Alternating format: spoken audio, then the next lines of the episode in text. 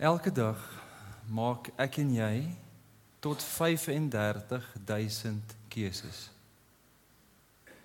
35000 keuses.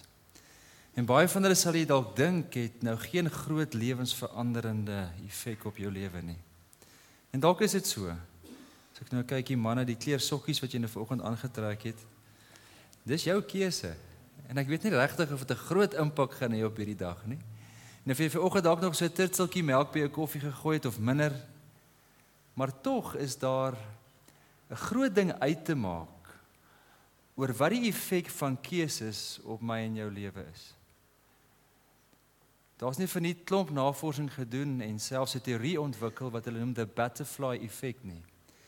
Die een persoon Laurence wat later ook ehm um, saam met ander wetenskaplikes en wiskundiges begin praat het oor die effek van wat is dit wat iets aan die gang sit.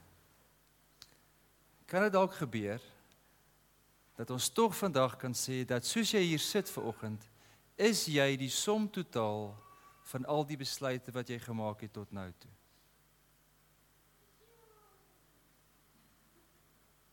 Ja wat jy gesê het of nee wat jy gesê het. Die navorsing het gesê dat ouens gegaan in groot tornado's wat landskappe verwoes waar sou dit begin het? En hulle het hierdie butterfly effek dan half geformuleer om te sê dalk het dit begin by die klap van 'n vlinder se vlerk 'n paar weke van tevore. Wat 'n rimpeling effek aan die gang gesit het, momentum gebring het sodat daar iets groot tot stand gekom het. En ek en jy neem elke dag baie baie besluite. En vir elke ja wat jy sê, is daar uiteraard ook 'n nee implikasie. Dit is die woord wat ons in die Bybel kry as bekeer. Bekeer beteken gewoon om in 'n sekere rigting te draai. Ja te sê vir 'n sekere beweging, vir 'n sekere rigting en dan noodwendig jou rigting kan draai op 'n ander rigting en kan sê dit is dan nie meer deel van my lewe nie. Dis wat bekering is. En dis eintlik 'n terugdraai na die begin toe. Dis eintlik 'n sirkel wat voltooi word om te kan sê dat bekering en as jy ver oggend ja sê jong mens, is dit eintlik 'n terugkeer van waar jy eintlik behoort. En as ver oggend sulke baie mooi metafore. Julle sal dalk dan nie weet nie, maar ek dink daar's oupas en oumas wat vandag hier sit. Wat van hierdie jong mense op die ouderdom van 2 of 3 of 4 maande ingedraai het by 'n doopgeleentheid. Is ek reg? Dalk julle sal dit dalk nou nie onthou nie. En nou die lewe die sirkel al voltooi. Dalk moet jy weer vir oupa of ouma vanoggend weer hier uithelp. Half dra. Want daar's 'n sirkelmoment.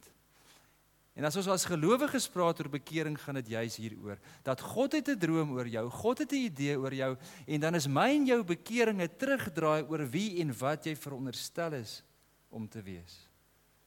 En ons dink baie keer verkeerd oor bekering. Aan die een kant, ek dink was bekering vir baie van ons in elk geval hoe ek groot geword het, baie keer net 'n net 'n morele verandering. Ek mag nou nie meer dit doen nie en ek moet nou dit meer dit doen, ek moet meer dat doen. Ek moet nou mooier begin lewe, meer reg begin lewe, meer soeter raak. Maar dan het ek na ander gelowige nee, dan het ek na ander mense gekyk wat beter lewens leef as ek. Jo, hulle is baie meer voortreffelik. Hulle lewe baie beter. Maar dis nie noodwendig Christene nie. Ek het net maar gewonder hoe werk dit? Of ons dink baie keer dat bekering is net om die regte insig en die regte verstaan te hê. Met ander woorde, dit gaan oor sekere idees, dit gaan oor ideologie. Ek verstaan nou hierdie of ek is nou by 'n nuwe kerk of of en dan gaan dit oor net oor die kop. Ek dink vir oggend en ek wil baie kort doen, ons het 'n lang oggend, wil ek graag net kyk wat is die gebeure wat weer en weer en al weer gebeur het in die lewe van Saulus wat Paulus geword het dat hy by 'n dag kon kom en sê daar was 'n bekering. 'n dag wat gesê het ek sal nooit weer dieselfde wees nie. Iets wat verby ideologie gaan iets wat verby morele verpligting gaan iets wat hom oorrompel het. Kom ons lees die teks ek het juis gekies vir die 53 vertaling.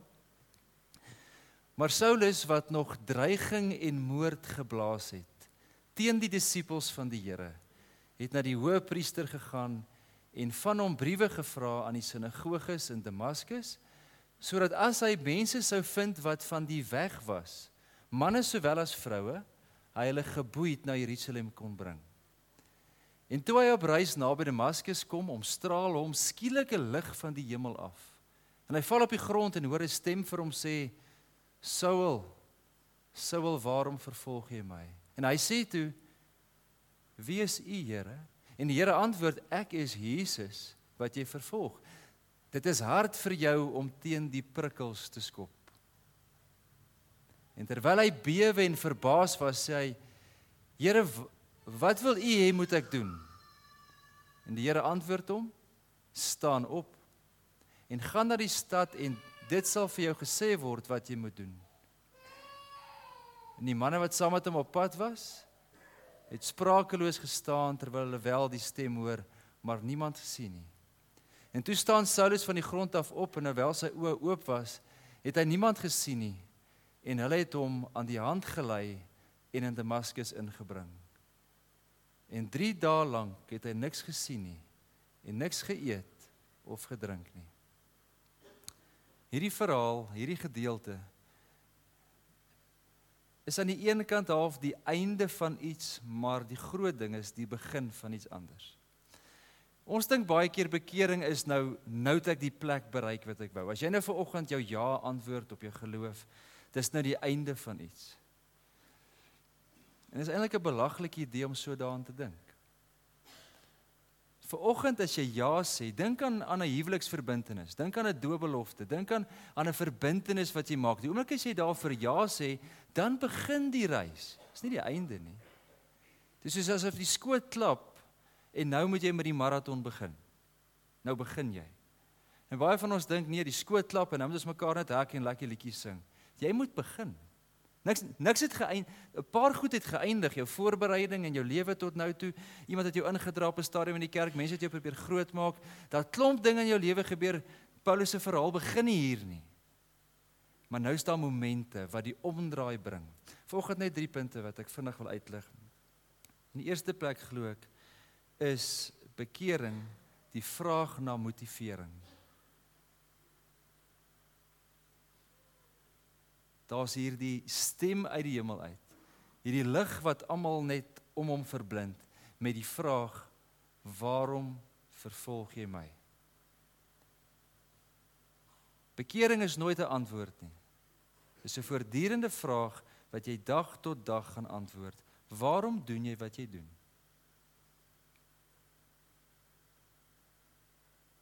Saulus moes dus vir homself kon vra, "Waarom is ek besig met die goed?" In die 53 vertaling lig dit so mooi uit. Hy het rook aangeblaas, rook en vuur aangeblaas. Want dit is hoe sy prentjie van God was. Iemand sê mos nou die dag dat as ek wil weet wie jy is en hoe jy dink, dan moet ek net vir jou vra, "Hoe is jou God?" Maar dit is tog al snaaks, nê? Nee. Dat jou God hou ook nogal nie van die mense wat jy nie van hou nie. Julle hoor wat ek probeer sê? Die hele gedagte dat ons God half wil inpas by my en dis die prentjie waarmee Saulus gedink het God is. In Psalm 19, Psalm 18 staan daar God is die een, daar kom rook uit sy neus uit en vuur uit sy mond uit en daar skole in sy binneste. Hy het van die God gehou wat verdoem en wat oordeel. En dis wat hy gedoen het. So sy motivering is om God tevrede te stel. Maar hy kies ook die God waarvan hy hou. En dan word hy oorrompel hoe deur 'n liefdevolle ontmoeting met God. Dat hy is besig om mense van die weg en dis nou 'n lang storie wat ons hieroor kan maak. Die Fariseërs wat wat Saulus was het geglo dat die Torah, die wet, die weg is. Die manier is om God tevrede te stel. En nou gebruik hy die Torah, hierdie wet om die mense wat hulle genoem het die mense van die weg te vervolg. So jy hoor hierdie hierdie paradoks eintlik in sy werk. En dan word hy oorrompel. Daar's 'n liefdevolle God wat na hom toe kom. Wat nie verdoem nie, wat nie oordeel nie, maar wat jy sy lewe omkeer. Vir my en vir jou, wat is die daaglikse motivering agter al jou gedrag, agter al jou emosies? Want dis die eerste openbaring van waar jy moet bekeer. En die meeste van ons Nee, kom ek sê almal van ons. Almal van ons sit met 'n inherente hinkering om meer te wil word, om tog goed te lyk of om tog sterk te word. Dis hierdie mense ego, nê, hierdie ekkigheid in elkeen van ons. En dit is gewoonlik die motivering agter alles. So of jy speel of jy koop of jy lag of jy beklei of jy skree of jy organise of jy wegloop of jy hard praat en of jy stil bly, agter alles is dit jou pogingkie in hierdie lewe om maar net iets te voel. Om net soos iemand te voel. Almal van ons wat hier sit, van daar tot daar heel agter. Met alle respek. Ly aan 'n minderwaardigheidskompleks. Almal van ons. Almal van ons wonder met hierdie ding van die lewe. En agter dit is dis jou motivering oor hoekom jy alles doen. En jy hoop dat hierdie ding wat jy doen of hierdie aksie wat jy uitvoer of hierdie woorde wat jy sê tog die leeplek sal volmaak. So vang jouself uit, vra 'n bietjie vir jouself uit agter dit wat gebeur in my lewe. Wat is die motivering? Dis wat moes gebeur het met Saulus. Die tweede punt is hy kom tot 'n val. Die teks vers 5 en 6 sê Jesus sê vir hom staan op. Nou om op te staan moes hy eers geval het. En dit staan nou nie regtig in Handelinge 9:22 of 26 waar hierdie verhaal voorkom nie. Maar daar's ander variante tekste wat sê dat Paulus van sy perd afgeval het. Nou ons weet 'n perd in daardie tyd was was half die die simbool van statuur en van mag, veral vir 'n man. Iets te wys van van as ek sy perd gesien het, het ek hom gesien. En half hierdie simboliese effek dan dat dat hy afval van dit af. Dit dra hom nie meer nie. En dan val hy. En dan val hy in genade in. Ons sê dit mos baie keer, nê? To fall in grace of to fall in love. Dis wat jou vang. Ons wil baie keer goed is reg doen om deur God gevang te word. Dis juis wanneer ons dinge nie reg kry nie. Wanneer God ons vang. Dis juis wanneer ons geval het en nie meer in hierdie lewe kan sin maak oor hoe die lewe werk, wat ek nou moet doen nie. As jou eie motivering en jou eie pogingkies nie meer uitgewerk het nie, dan val jy. En ek dink die wonderlike moment dan is dat jy agterkom jy hoef eintlik net die Here toe te draai nie. Want hy het lankal na jou gedraai. In Paulus se geval, hy sê dit. Hy sê ek is 'n Romeinse burger en 'n Jood. Nou, daar was baie min ouens wat dit ooit kon regkry om as 'n Jood ook gesien te kon word as 'n Romeinse burger. Hy het al die dinge aan sy kant gehad. Hy was ryk, hy was vol aansien, hy was een van die beste Jode, hy was 'n Fariseer, maar hy val. En dan word hy gevang in liefde. My derde punt. Dit bring hom uit by 'n blindheid. Ons dink baie keer bekering dat jou lewe na vanoggend net vol sekerheid, net vol duidelikheid en net 'n gelykpad gaan wees. As jy self in beheer van jou lewe is, kan jy dit nog probeer. Maar hoor gemooi. God se helder lig. God se helder lig verblind jou. Ons dink baie keer God se helder lig maak alles duidelik en helder en maklik. Daar's 'n stuk blindheid, 'n stuk moeilikheid, 'n stuk onsekerheid. Om as Christen te leef is 'n risiko. Want jy hoor toe jy nog jou eie keuses kon maak, was jy baie duidelik seker wat jy moes doen. As jy in beheer is van jou eie lewe, dan kan jy mos presies sê, dis hoe my dag gaan verloop. Ek gaan hierdie kleersokkies dra en ek gaan soveel melk in my suiker drink en ek gaan dit doen en dis my lewe en ek kan net maak wat ek wil. Maar as daar hierdie bekering kom, dan kom daar eintlik 'n blindheid by jou. Want jy's nie meer so seker nie. Want die sekerheid die bepalende effek van jou lewe het jy nou oorgegee of weggegee aan die een wat jou oorrompel het. Wat jou blind gemaak het. In die spirituele wêreld word daar op twee maniere gepraat van donkerte. Die een donkerte is waar jy bang is en waar jy sleg voel en dit is sleg. Maar die ander donkerte wat ons baie keer in die Bybel ook in die spirituele literatuur van lees, is wat hulle half noem die fetale geboortekanaal van God. Om te sê dat as jy in donker verkeer, as jy nie weet wat aangaan nie, is jy dalk op die beste plek om nuwe geboorte te ontvang of te gee. So die vraag wat ons ver oggend vir mekaar vra, is my vierde punt. Vraag is bloot wie is jy? Dis 'n vraag vir ons hierdie hele jaar met ons jong mense gewerk het. En hierdie probeer ons net vir ons vir jouself vra. Wat bepaal jou identiteit? Wie sê wie jy is? As dit jouself is of die mense om jou of die media of die prestasies wat jy behaal het of die pogingkies wat jy aanwend soos 'n Saulus, dan gaan ons struggle met die lewe. Dit gaan vir ons moeilik wees. Jy gaan dalk voel jy weet duidelik wat om te doen. Maar die oomblik as jy jouself kan sien dat ek verbind myself vanoggend nie aan 'n hoor mooi, nie aan 'n saak nie, nie aan 'n gebou nie, maar aan 'n persoon.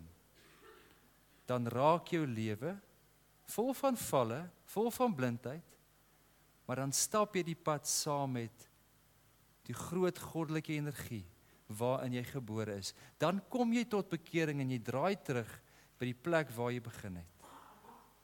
Mag dit vir elkeen van julle so wees dat elke lewensoomblik wat julle hier vanaf leef, soos soos dit julle tot hier gekom het. Soos Saulus se lewe na Paulus se lewe half onherroepelik verander het, maar nie noodwendig makliker geword het nie.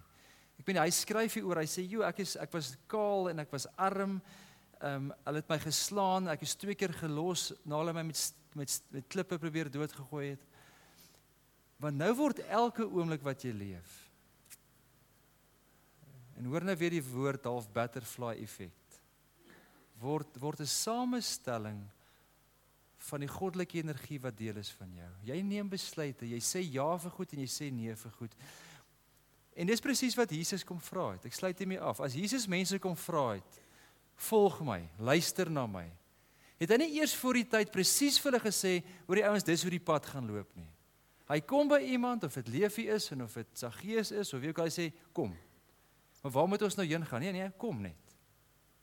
So vra God vandag vir jou kom. Waarheen? Jy sal sien. Hoe hoe gaan dit lyk waarheen ons gaan? Ah, ek kan nie vir jou sê nie, maar kom net saam. Jy verbind jou aan 'n persoon, jy verbind jou aan energie, jy verbind jou aan God. En dit maak die lewe opwindend. Op 17 of 18 is die lewe moeilik om te leef. Geen formule. Geen raad. Geen duidelike resep gaan jou help nie. Maar as jy verbind aan 'n persoon, die persoon van Jesus Christus, wat in die oggend tot in die aand en selfs in die nag jou omhels, in jou is en om jou is kan jy die lewe leef. Mag dit vir elkeen van julle so wees. Ons praat al heel jaar dat geloof aan die een kant 'n gawe is, maar ook 'n greep. Om te kan glo is nie iets wat uit 'n mens uitkom nie. Dis 'n gawe. Maar dan is ver oggend ook 'n baie goeie aanduiding daaroor dat geloof ook 'n greep is. Ek moet daarop kan antwoord. Dis liefdevol vir my gegee. Maar ek kan my voorkant toe daarna laat draai. So as julle vanoggend nou julle geloof bely, verbind julle jouself aan die Here self en ons gaan daarby kom, maar verbind julle hulle ook en dis eintlik ongelooflik om so daaraan te dink. Verbind julle jouself ook aan die kerk en dan praat ek aan miljoene miljoene ander gelowiges. Van Handelinge af, van 30 na Christus af, van van Petrus se toespraak af, is daar miljoene, miljarde mense wat hulle self kerk genoem het. En vanoggend soos ons hier sit, is daar dit in Rustenburg en hier waarskynlik in Noordwes in ons land. Hulle praat van dat daar tot 30 miljoen Christene in ons land sonder by my kerk by mekaar kom. Maar van julle gaan oor see reis, van julle het al. Jy verbind jouself vanoggend aan klomp ander gelowiges. Vanoggend in die eerste plek 23 van julle wat mekaar ken maar jou pa of ma of oupa of oupa of boetie of sussie is saam met jou hier vanoggend.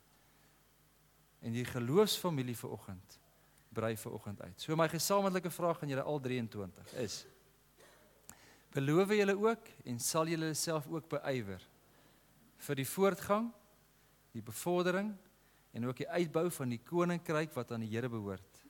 Ons noem dit kerk. Wat is hierop julle almal se antwoord?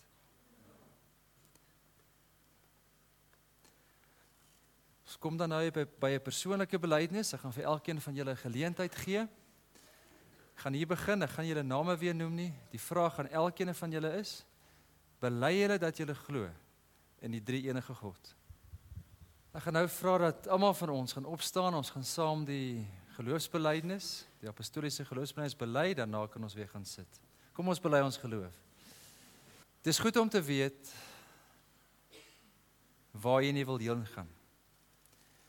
Maar die vraag is baie keer ook as jy nie weet waar jy is nie, dan is dit baie moeilik om te weet waar jy moet heen gaan. Ons almal het al verdwaal.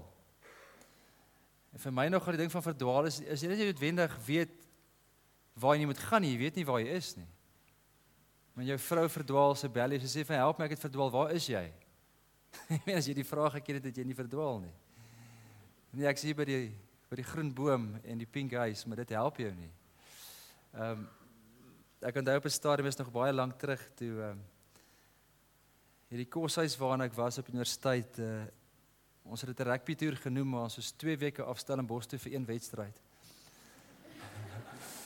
Maar wat gebeur het is 'n vriend van my het saam met my in die kar gery en en hy het uit 'n kaart gehad want dit was voor GPS's en voor selfoon en alles en ons het julle almal ken die ou landkaarte wat jy so oop blaai. En dan maak jy mos nou oop en uh, ek sê vir my, hy sê ons is in Smits, ek sê ons is in Smitsstraat. Hy sê ook is goed.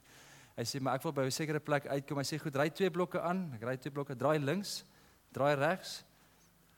Hy sê ons moet nou hier wees waar ons ook al moet. Ek sê nee, ons is glad. Ons is nou in die hawe vasgery. Toe sit hy met Durban se kaart. En ons ry in Kaapstad rond. Simbolies werk Durban se kaart nie in Kaapstad nie. Jy moet weet wat 'n kaart om oop te maak. Die kaart begin as jy weet wie jy is. Dit is die basiese fundamentele vraag van elke mens. Oor wie is jy? So dis die vraag wat ek aan julle gaan vra. Ek gaan dit so reël. Ehm um, vriende, ons het gevra soos laas jaar dat elke jong mens iemand sou vra, pa of ma of oupa of 'n vriend om ook dan na afloop van sy identiteitsbevestiging vir hom 'n boodskap te kom gee. So, ons gaan dit so tref dat ehm um, ons gaan daarop beweeg. As dien klaar die vraag geantwoord het, gaan hy daar staan en dan jou pa, nê, nee, seker reg? Jy kan hier kom staan en met jou seun praat en as ons nou sien die kinders begin hierdie kant toe staan, dan sal ek net weer die die boodskappers weer aan hierdie kant net verwelkom. Maar jy kom maar soos as jou kind opkom of jou kleinkind of jou vriend, dan kom jy ook maar vorentoe. Ehm um, net om hierdie baie mooi gedeelte af te haal. So dien ek vra vir jou. Jy is welkom om vorentoe te kom, op te kan kom met die trappies.